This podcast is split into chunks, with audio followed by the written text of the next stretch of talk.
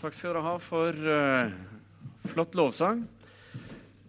Lovsang det er uh, utrolig viktig.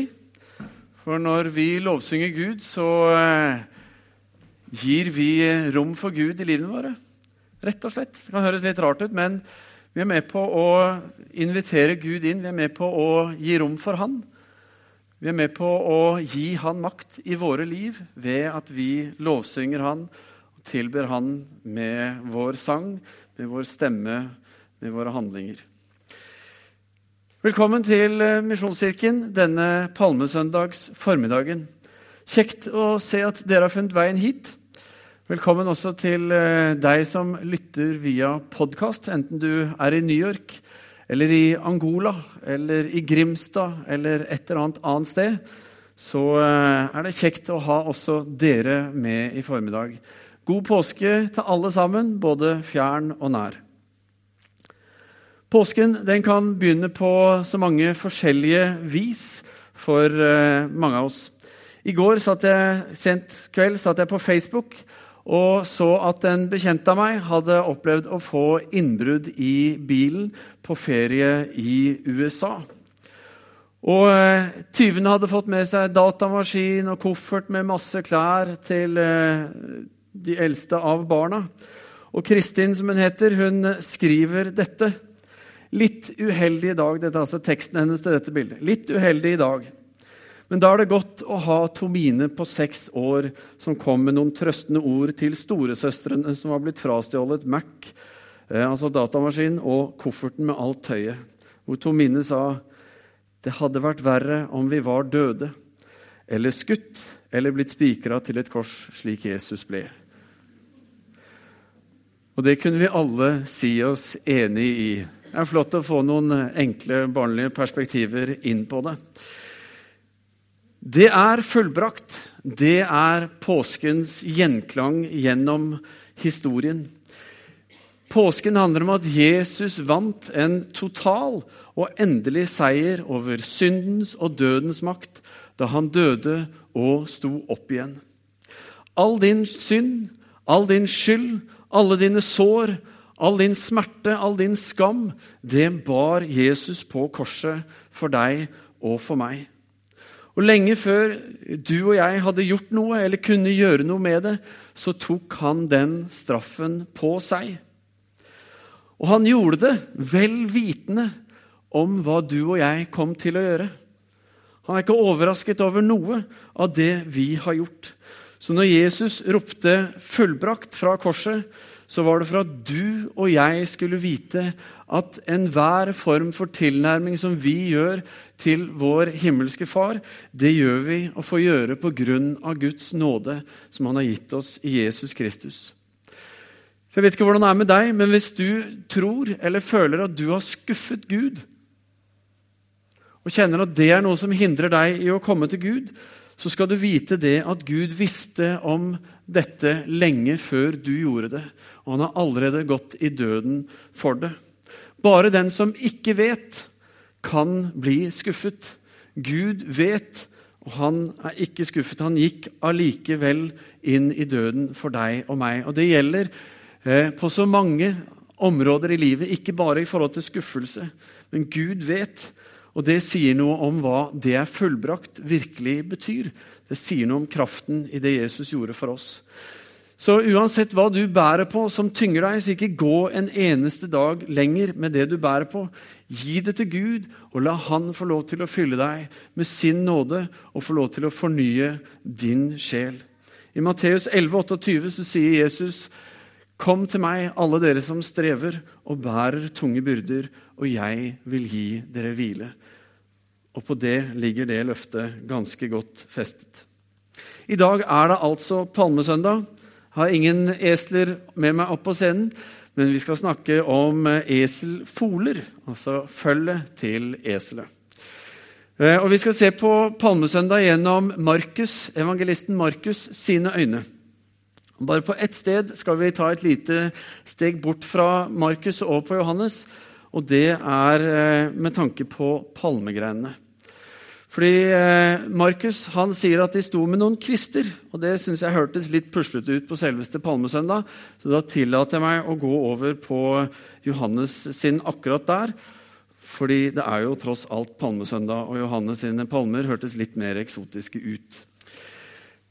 Men på vei til Jerusalem så reiser Jesus sammen med disiplene gjennom Betfage og Betania noe som fører de over Oljeberget, og som gir dem en full eh, utsikt over Jerusalem, som ligger foran dem dit de skulle. Og Fra det punktet så står det at Jesus sender to av disiplene sine i forveien inn for å finne en eselfole som skal stå der inne. Og Jesus sa at de skulle finne den, og at de skulle ta den med seg. Og om noen spør hva de skal med den, så skal de svare, som det står i vers 3. Herren har bruk for den, og han sender den straks tilbake igjen. Det er faktisk bare Markus av de fire evangelistene som presiserer at eh, du skal få eselfolen tilbake. Så Jesus eh, skulle altså låne denne eselfolen. Og Vi ser det gjennom evangeliene at Jesus han lånte ting fra tid til annen. Han lånte båten til Simon Peter, brukte den som plattform da han eh, talte og underviste inn til folkemengden som sto inne på land. Han eh, lånte den salen, det rommet, hvor eh, Jesus og disiplene var samlet til det siste måltidet, og hvor nattverden ble innstiftet. Han lånte til og med graven som han ble lagt i da han ble tatt ned fra korset. Og Det er interessant. Jeg tror jeg må være kanskje første gang i historien at noen har lånt en grav. Ikke sant? Jesus sto opp igjen, graven er tom, og det skal vi høre mer om neste søndag. Men det er flott. Og Denne gangen er det altså en eselfole som Jesus låner. Men hvorfor trenger Jesus, Guds sønn, å låne noe av oss? Burde ikke han være godt utrusta? Hvorfor trenger han noe av oss? Paulus han forteller i Filippe-brevet at eh, når Gud ble menneske, så ga han avkall på sitt eget og ble mennesker lik. Gud blir menneske og formidler gjennom det at han ønsker å samhandle med mennesker. Og han gjør det for å forberede oss på det som skal komme. Gud ønsker å hjelpe oss til å være utrustet for det som ligger foran oss. Samhandling, Begrepet samhandling det brukes jo mange steder nå, men opprinnelig så er det et norsk begrep som ble laget i forbindelse med at datamaskinen kom inn i verden. Det er et begrep derfra. og og samhandling var et begrep som skulle beskrive en sømløs eh, skal vi se, få det helt riktig her, en sømløs samhandling eh, i grensesnittet mellom menneske og maskin. Altså at dette skulle gå så automatisk og godt som mulig. Eh, og I dag bruker vi altså samhandling for å beskrive det si, som skal skje mellom Gud og mennesker. Eh, og som er muliggjort nettopp gjennom Jesu død. Det som Gud ønsker å gjøre sammen med oss. Han ønsker å samhandle med oss, med deg og meg. Hebreerbrevet for eksempel, forteller oss at en av Jesu gjerninger nå består i å gå i forbønn for oss. Og Det betyr at når vi ber, så har vi en som ber sammen med oss. Ikke bare at han ber for meg, men han ber også for dere. Så Hvis jeg ber for en av dere, så vet jeg at da kan jeg be sammen med Jesus.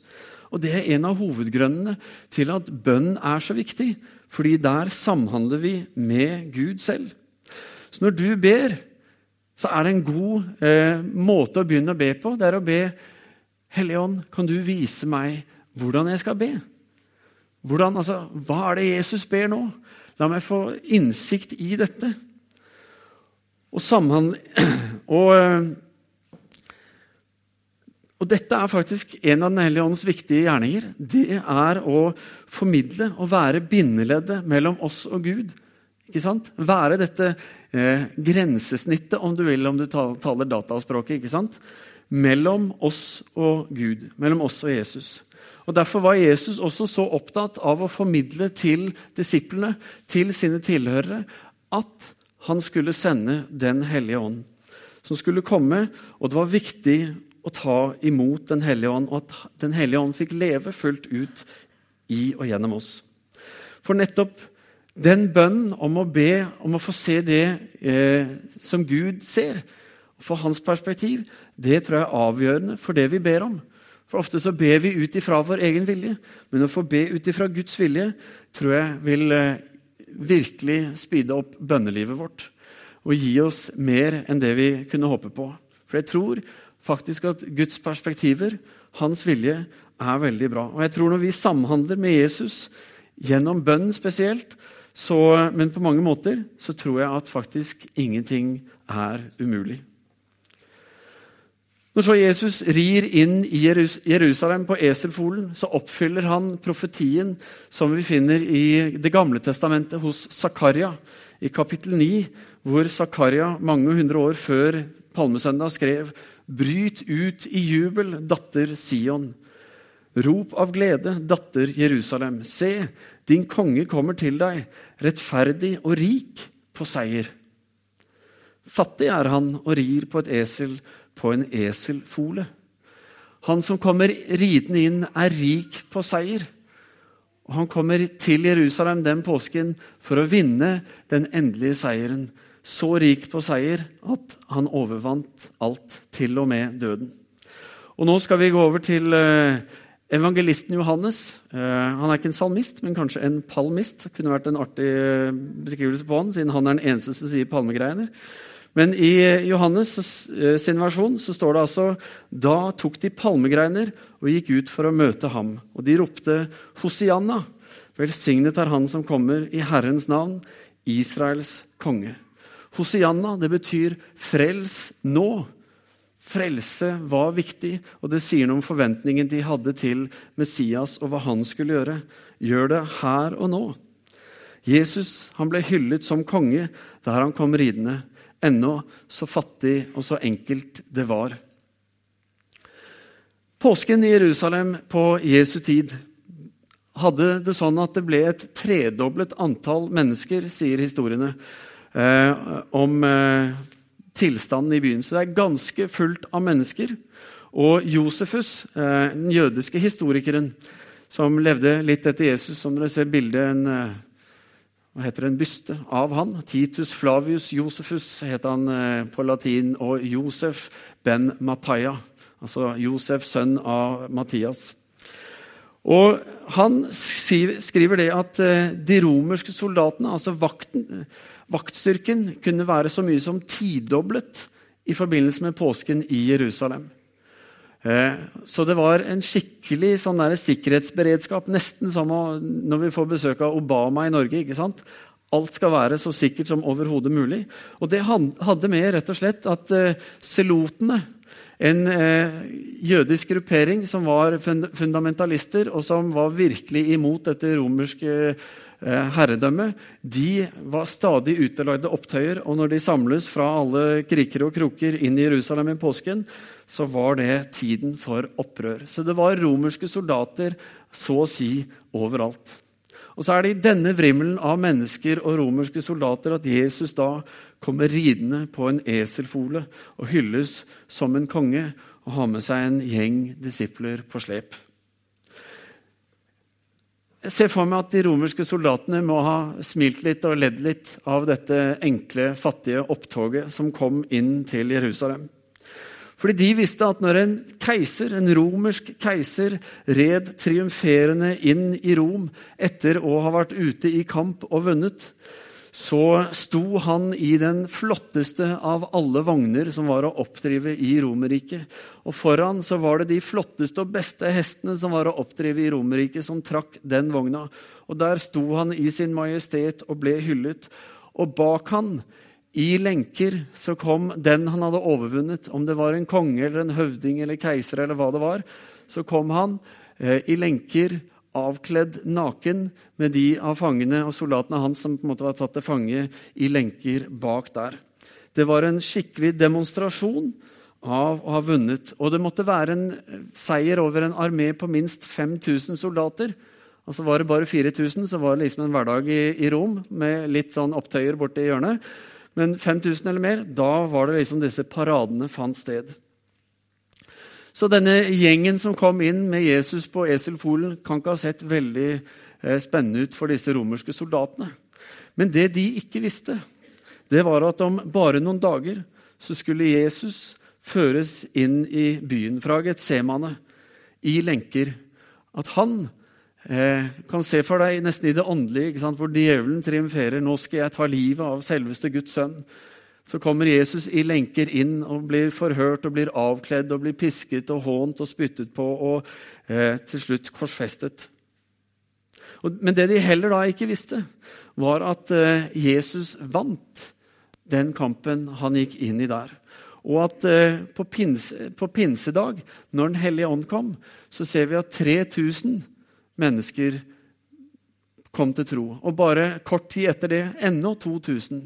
Så det gikk ikke lange tiden før Jesus hadde overvunnet 5000 og kunne på en måte demonstrere at ja, det var en konge som kom inn her. Og han var rik på seier, som Zakaria snakket om. Men Jesus ble også hyllet med disse avskårne palmegrenene. Grener som snart kom til å ligge tørre og visne. Og hyllesten han fikk, var også en hyllest som snart skulle ta slutt. Vi leser i vers 11 i, eh, hos Markus. Her står det Han dro inn i Jerusalem og gikk opp på tempelplassen. Etter å ha sett seg omkring overalt gikk han ut til Betania igjen sammen med de tolv for det var blitt sent på dagen. Jesus kom inn, og så står det at han ser seg rundt overalt der han er oppe på tempelplassen. Og så trekker han seg tilbake. Og Så står det ikke hva Jesus gjorde tilbake i Betania den kvelden, den natten, før han neste dag drar inn igjen til Jerusalem. Men jeg tror at eh, Jesus gjorde det vi ofte ser at han gjør når han trekker seg tilbake. Det er at han går i bønn. Han bruker tid alene sammen med Gud. Og eh, jeg tror han ba til Gud, ba Hellige Ånd, vis meg hva du vil jeg skal gjøre når jeg går inn i Jerusalem igjen i morgen. Så ser vi at dagen etter så reiser Jesus tilbake sammen med disiplene til Jerusalem fra Betania. Og På veien så går Jesus forbi et fikentre. Det står at han var sulten. Og Så gikk han bort til fikentreet for å se om det var frukt på greinen. Og Så står det også at det ikke var fruktsesong. Treet var rett og slett uten frukt. Og så sier, og det var naturlig, for så vidt, men Jesus sier til treet Aldri mer skal noen spise frukt av deg. Hvorfor bli sint på et tre uten frukt utenfor fruktsesongen? Det skal vi snart uh, finne ut av. Når Jesus kom inn til Jerusalem, så gikk han da denne dagen, altså dagen etter palmesøndag, så går han til tempelplassen, hvor han straks begynner på det jeg tror Gud viste han at han skulle gjøre. Han begynner å jage ut alle de som drev handel på tempelplassen. Med så mange mennesker som det var i Jerusalem, så var det ekstra mye handel, ekstra mye kjøp og salg av varer og valuta. Og eh, det står at han lærte dem. Og han sa, 'Står det ikke skrevet:" Mitt hus skal kalles et bønnens hus for alle folk, men dere har gjort det til en røverhule. Så siterer han Jesaja, som i eh, Jesaja 56 nettopp profeterer med ord fra Gud om at tempelet, mitt hus, skal være et bønnens hus for alle folkeslag. Og Vi ser også Jeremia i eh, jeg tror det er i kapittel 7, hvor han eh, eh, går og irettesetter fordi tempelplassen tempelet er blitt gjort til en røverhule. Altså et sted som handler om alt annet enn Gud, men om egen vinning og kjøp og salg. Jesu tilbaketrekning og bønn demonstrerer tror jeg, hvordan samhandling mellom mennesker og Gud var ment å fungere. Og Da handler det om å eh, se. Se først. Hva er det som eh, ligger foran? Og eh, så trekke seg Hva er det du ønsker å vise meg? I? Og eh, når vi har gjort det, så det Jesus snakker om. Jeg tror det skal være et nytt bilde der. Hva er det det handler om? Hva er det Gud, min Hellige Ånds ledelse i bønn? Vis meg hva jeg ønsker å gjøre her, og så kan du handle på det. Du føler eh, du skal gjøre, del det. Be sammen med de. Søk Gud her. Jeg tror at her er det masse Og det viser også at det var viktig, og at det var et klart signal på hva For jeg tenker av alt det som kanskje var galt, var sikkert mye synd og galskap og ting rundt det, til roten Så sa han, 'Her skal det fri flyt'. Jesu for den kamp og den påsken handler om. Jesu kamp på korset er helt nødvendig. Fordi du og jeg, vi kan ikke Vi kan prøve å ha lyst. Neste dag da gikk forbi fikentreet som Jesus lå det treet helt nede, visnet. Guds folk, jødene, de hadde ikke lyktes, fikk gro. De hadde på mange måter årene palmegreiner og, og gode for en periode, men som snart Hvis du leser Gamle testamentet, så ser du det er nesten Heia Gud, ikke Gud. Heia Gud, ikke Gud. Det får liksom aldri trengt ordentlig. Og de greiene som da som nettopp røttene er med på å gi, den viktige samhandlingen mellom roten og liv som gir frukt. Så gå hjem og les første del av Johannes vintre, og vi er grenene, og vi skal bære frukt og alt det. Kjempe. Men Jesus tok flere ganger i løpet av med de skriftleide og fariseerne. De lærte det jødiske folket bud framfor Guds bud. Slik de ville ha det, eller sånn de mente det burde være tro. Hvor tradisjonene ble viktige, ble kvelt. Jesus, Jesaja, nettopp i et slikt oppgjør med fariseerne, eh, for fariseerne og sa at dette folket er langt borte fra meg. Palmegreinene æret, men roten på treet var uttørket og langt borte fra Gud. Og Vi ser at Markus gir oss en alvorlig påminnelse om hvor viktig det er at vi lever livene våre i tro til Gud ved Den hellige ånd. Og at det er Han og bare Han som skal være vår kilde til livet. Hvor vi henter næringen inn til vårt trosliv. Fordi Den hellige ånd er nemlig livgiveren. Han er Guds livspust inn i vårt trosliv. Akkurat som når Gud skapte mennesket og formet mennesket av jorden, så blåste han sin livspust, sin ånd, inn i det, og det ble til liv. Slik ønsker Gud ved Den hellige ånd å puste sitt liv inn i våre liv, inn i vårt trosliv. At det får virke på oss eh, innenfra og ikke utenfra. Fordi alt det som kommer utenfra, prøver å stjele og røve fra oss det Gud ønsker å gi oss.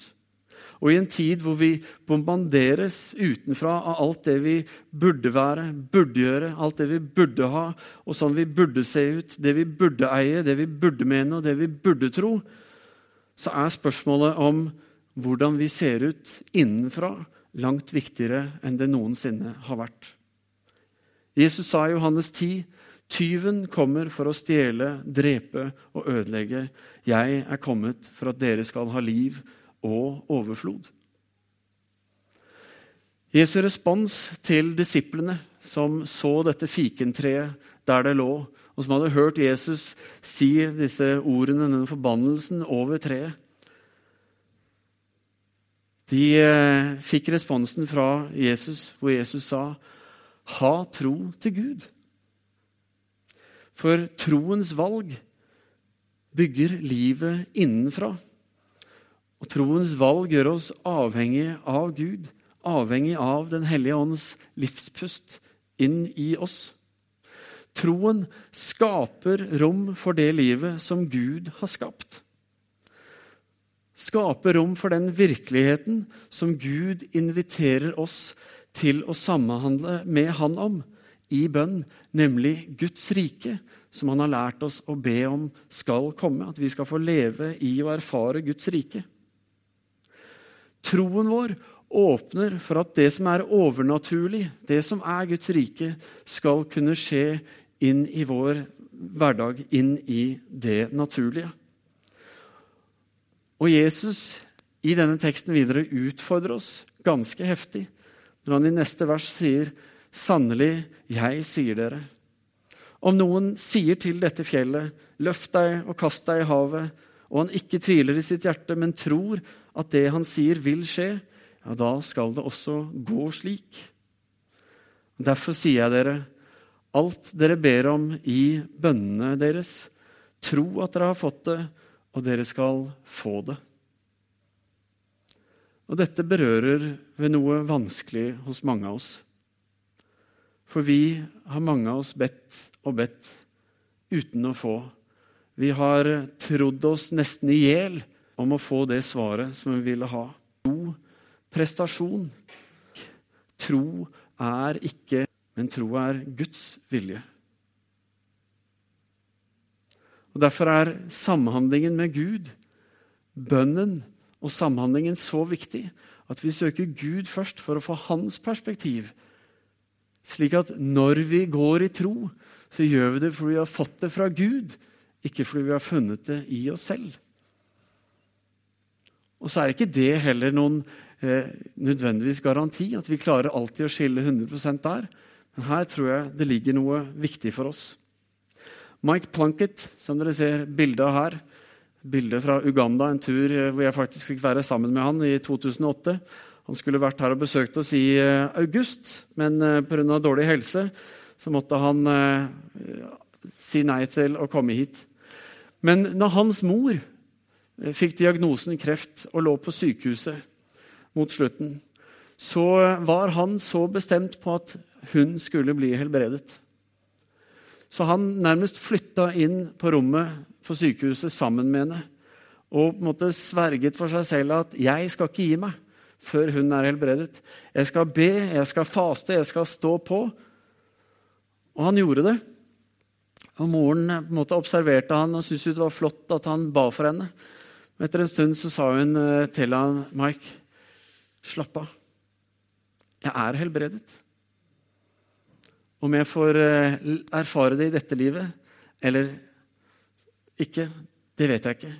Men om ikke, så vet jeg at jeg er det dit jeg skal. Helbredelsen er noe som har funnet sted. Så ikke, ikke strev og slåss for dette. La Guds vilje skje. Ha tro til Gud handler om å stole på Gud, stole på at Han er med, at Han hører. Og jeg tror den viktigste bønnen, eller jeg vet at den viktigste bønnen vi ber, er Herre, la din vilje skje. La meg få se hva du ønsker å gjøre, sånn at jeg kan få være med og be om det. Det var derfor Jesus kom. Det var sånn Jesus handlet. Det er derfor vi feirer påske, fordi Jesus han både levde og han ba med sitt liv La din vilje skje. Å ha tro til Gud er å legge alt i Guds hender, selv om ikke vi forstår, selv om ikke vi klarer helt å ja, vite eller klare å tro. Men å legge alt i Guds hender og hvile i det faktum at det viktigste er at vi får leve i fellesskap med Gud. At om ikke han tar stormen vekk, så vil han gå sammen med meg og bære meg gjennom den stormen, slik at jeg får overleve den om så er hans vilje. Og han har sagt, som noe av det siste han sa i Matteus 28.: Se, jeg er med dere alle dager inntil verdens ende. Og Det er det påsken egentlig handler om. At vi nå får lov til å leve i Guds nærhet. At forhenget er revet. At vi får komme til Han. At vi får samhandle med og fordele i det Han har for oss. Og så er han ikke bare med oss og ber sammen med oss, men han går i, har gått i forveien for oss og gjort i stand et sted for oss i himmelen hvor det ikke skal være tårer, hvor det ikke skal være sorg, smerte eller død. Og Derfor blir denne samhandlingen med Gud det viktigste vi gjør. Fordi vi trenger Guds perspektiver. Vi trenger å se hva Gud ønsker å gjøre i våre liv, i familien vår, i nabolaget vårt, i byen vår, i menigheten vår, i landet vårt. Og det er i den samhandlingen når Gud virkelig får dele sitt liv, og vi måtte underkaste oss Gud, hyller Han og lar Han være Gud, og sier 'la din vilje skje'. Da begynner det virkelig å bli spennende å leve troens liv. Da begynner det å bli virkelig spennende å drive menighet. Og da er ingenting umulig for den som tror. Jesus han gikk foran, han åpnet veien like inn til Gud. Og Så inviteres vi til å gå med den, ikke bare for å tro at veien er der, men for å gå den veien og leve det troens liv som Den hellige ånd er nøkkelen til. Så er spørsmålet blir vi med. Eller er det skummelt. Jeg hørte på en tale av Mike Planket her eh, nylig, hvor han sa at djevelens største si, våpen, det er å skremme. Han har ikke noe allmakt. Han kan ikke gå foran og vite, men han kan skremme for å passifisere oss, for at vi ikke skal våge, at vi ikke skal tro, at ikke vi skal handle. Men han kan tross alt bare skremme. Og han skremmer fordi vår største svakhet er for de aller fleste av oss frykt. Frykt for det ene, frykt for det andre, som vi frykter mer enn vi frykter Gud ofte. Men å ha tro til Gud, frykte Han, stole på Han, komme til Han og få Hans perspektiv, det håper jeg vi som menighet, vi som kristne i byen i Stavanger, skal få lov til å stå fram og virkelig være og leve og oppleve. Og så at det skal forandre alt. Skal vi be. Kjære himmelske Far, jeg takker deg, Herre, for at du inviterer oss inn til samhandling med deg. At du ønsker ikke å la oss gå rundt og være uten kunnskap. At vi skal ikke vite noe. Eh, men dette snakket du om med disiplene. At Du skulle ikke la oss være igjen som foreldreløse barn, uvitende hva som skjer, men at du skulle sende Den hellige ånd til oss.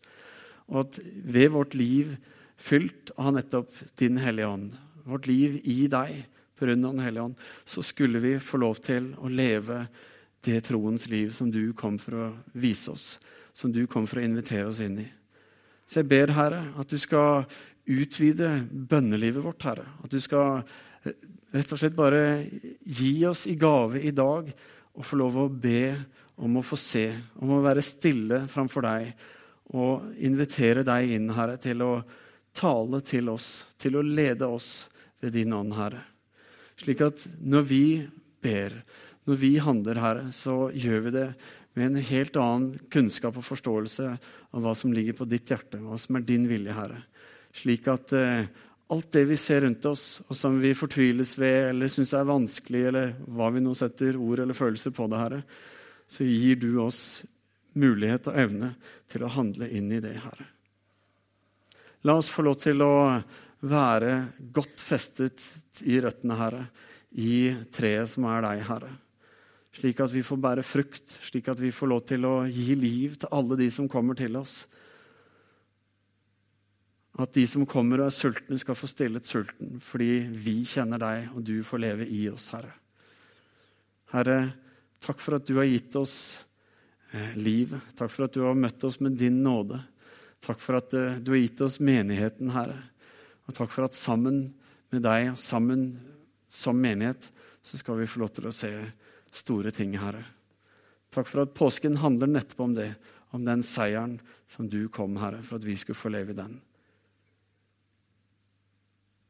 Kom, Herre, tal til oss i formiddag. Rør ved oss. Det ber vi, Herre, i ditt hellige navn. Amen.